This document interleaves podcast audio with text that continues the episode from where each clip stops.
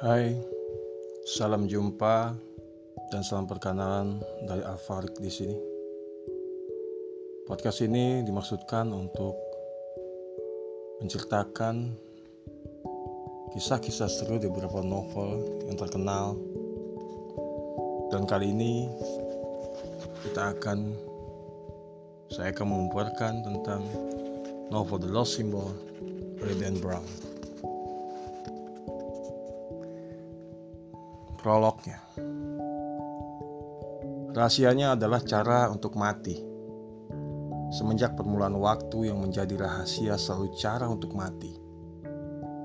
Kandidat berusia 34 tahun itu memandang tengkorak manusia dalam buayan kedua telapak tangannya. Tengkorak itu berongga seperti mangkuk berisi anggur semerah darah. Minumlah, katanya kepada diri sendiri Tak ada yang perlu kau takuti.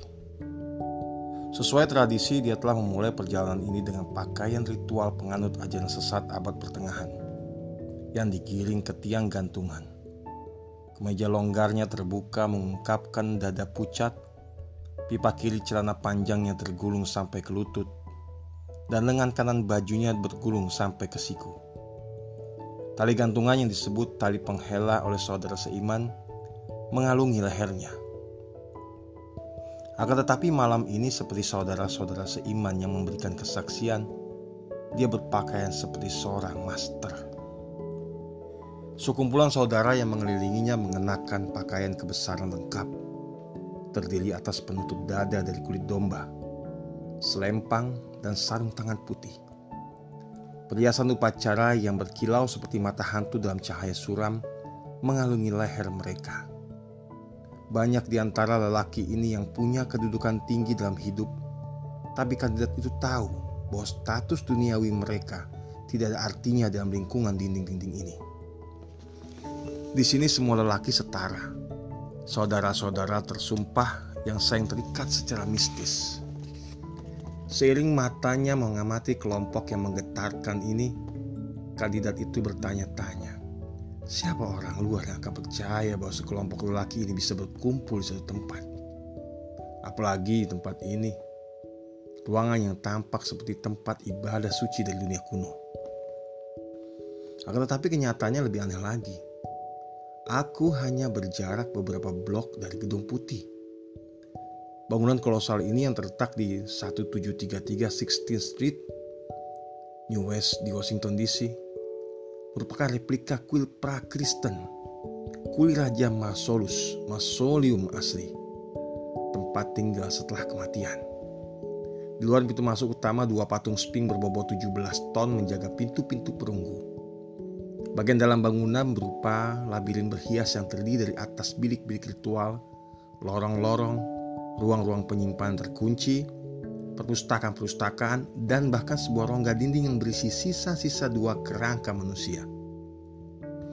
Kandidat itu sudah diberitahu bahwa setiap ruangan di dalam bangunan ini menyimpan rahasia, tapi dia tahu bahwa tidak ada ruang yang menyimpan rahasia sedalam bilik raksasa tempatnya berlutut saat ini, dengan tengkorak dan buaya yang kedua telapak tangannya. Ruang kuil. Ruang ini berbentuk persegi empat sempurna dan menyerupai gua Langit-langitnya tergantung tinggi 30 meter di atas kepala. Disokong pilar-pilar batu granit hijau, deretan kursi kayu walut rahasia berlapis kulit babi buah tangan mengitari ruangan. Singgah sana setinggi 10 meter mendominasi dinding sebelah barat.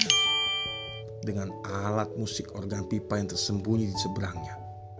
Di dindingnya ada kaleidoskop simbol-simbol kuno, Mesir, Ibrani, astronomi, alkimia, dan lain-lain yang tak dikenal.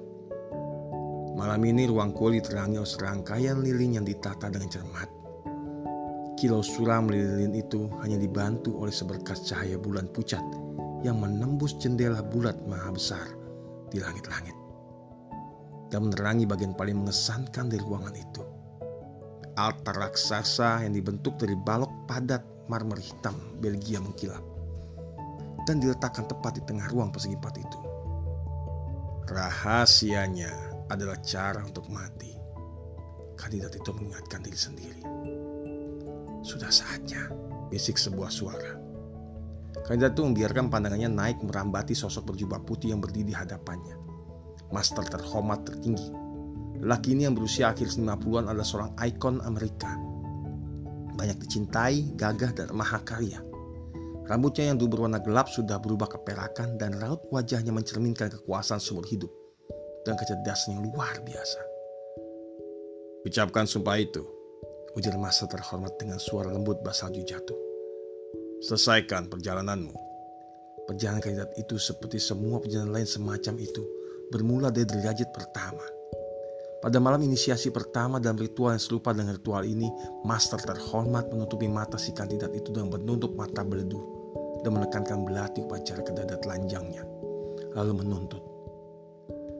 Apakah kau menyatakan dengan sungguh-sungguh demi kehormatanmu, tanpa terpengaruh uang atau motif sepele lain apa pun, bahwa kau secara bebas dan sukarela mengajukan diri sebagai kandidat untuk menerima semua misteri dan hak-hak istimewa dari kelompok persedoran ini?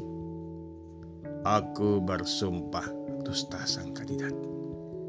Kalau begitu, Biarlah ini menjadi sengatan terhadap kesadaranmu. Ujar Master memperingatkan. Dan juga kematian seketika, seandainya kau mengkhianati rahasia-rahasia yang akan disampaikan kepadamu.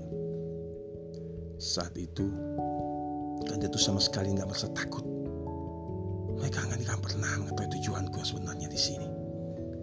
Akan tetapi malam ini dia merasakan kesenyapan yang mencekam di ruang kuil dan benaknya mulai mengingat kembali semua peringatan menyeramkan yang pernah diterimanya dalam perjalanan ini. Ancaman konsekuensi-konsekuensi mengerikan seandainya dia mengungkapkan rahasia kuno yang hendak dipelajarinya. Leher digorok dari telinga ke telinga. Lidah dicabut sampai ke akar-akarnya. Isi perut dikeluarkan dan dibakar. Disebarkan ke empat penjuru. Jantung direnggut keluar dan diberikan kepada makhluk-makhluk buas di belantara. Saudaraku, kata sang master yang bermata kelabu itu sedang meletakkan tangan kiri pada bahu sang kandidat. Ucapkanlah sumpah terakhir. Kandidat itu menguatkan diri untuk melangkah terakhir perjalanannya. Menggeser tubuh berototnya dan kembali mengarahkan perhatian pada tengkorak dalam buayan kedua telapak tangannya. Anggur merah tua itu tampaknya hitam dan dalam cahaya lilin suram. Ruang itu menjadi benar-benar hening dan dia bisa merasakan semua saksi mengamati, menunggunya mengucapkan sumpah terakhir dan bergabung dengan tingkat elit mereka. Malam ini, pikirnya, dalam lingkungan dinding ini berlangsung sesuatu yang belum pernah terjadi sepanjang sejarah kelompok persedoran ini. Tidak satu kali pun selama berabad-abad. Dia tahu hal itu akan menjadi percik api yang akan memberinya kekuatan tak terhingga dengan bersemangat dia menghela nafas dan dengan lantang mengucapkan kata-kata yang sama yang pernah diucapkan oleh begitu banyak lelaki di berbagai negara di seluruh dunia ini. Biarlah anggur yang sedang kuminum ini menjadi racun mematikan bagiku. Seandainya dengan sadar atau sengaja ku melanggar sumpahku. Kata-katanya menggema di ruangan itu. Lalu semuanya hening. Kandidat itu menstabilkan kedua tangannya mengangkat tengkorak ke mulut dan merasakan bibirnya menyentuh tulang yang kering itu. Dia memejamkan mata dan menuangkan isi tengkorak itu ke mulut. Meminum anggur dengan tegukan-tegukan panjang dan dalam. Ketika tes terakhir lenyap, dia menurunkan tengkorak yang dipegangnya. Sejenak dia merasa seakan-akan parunya menyesak dan jantungnya dentam-dentam liar. Astaga, mereka tahu. Lalu secepat kemunculannya sebut itu menghilang. Kehangatan yang menyenangkan mulai mengalir seluruh tubuhnya Kandidat itu mengembuskan nafas, tersenyum dalam hati ketika memandang laki bermata kelabu yang tidak menarik curiga itu, yang dengan tololnya telah memasukkannya ke dalam tingkat paling rahasia dari kelompok persedoran ini. Sebentar lagi,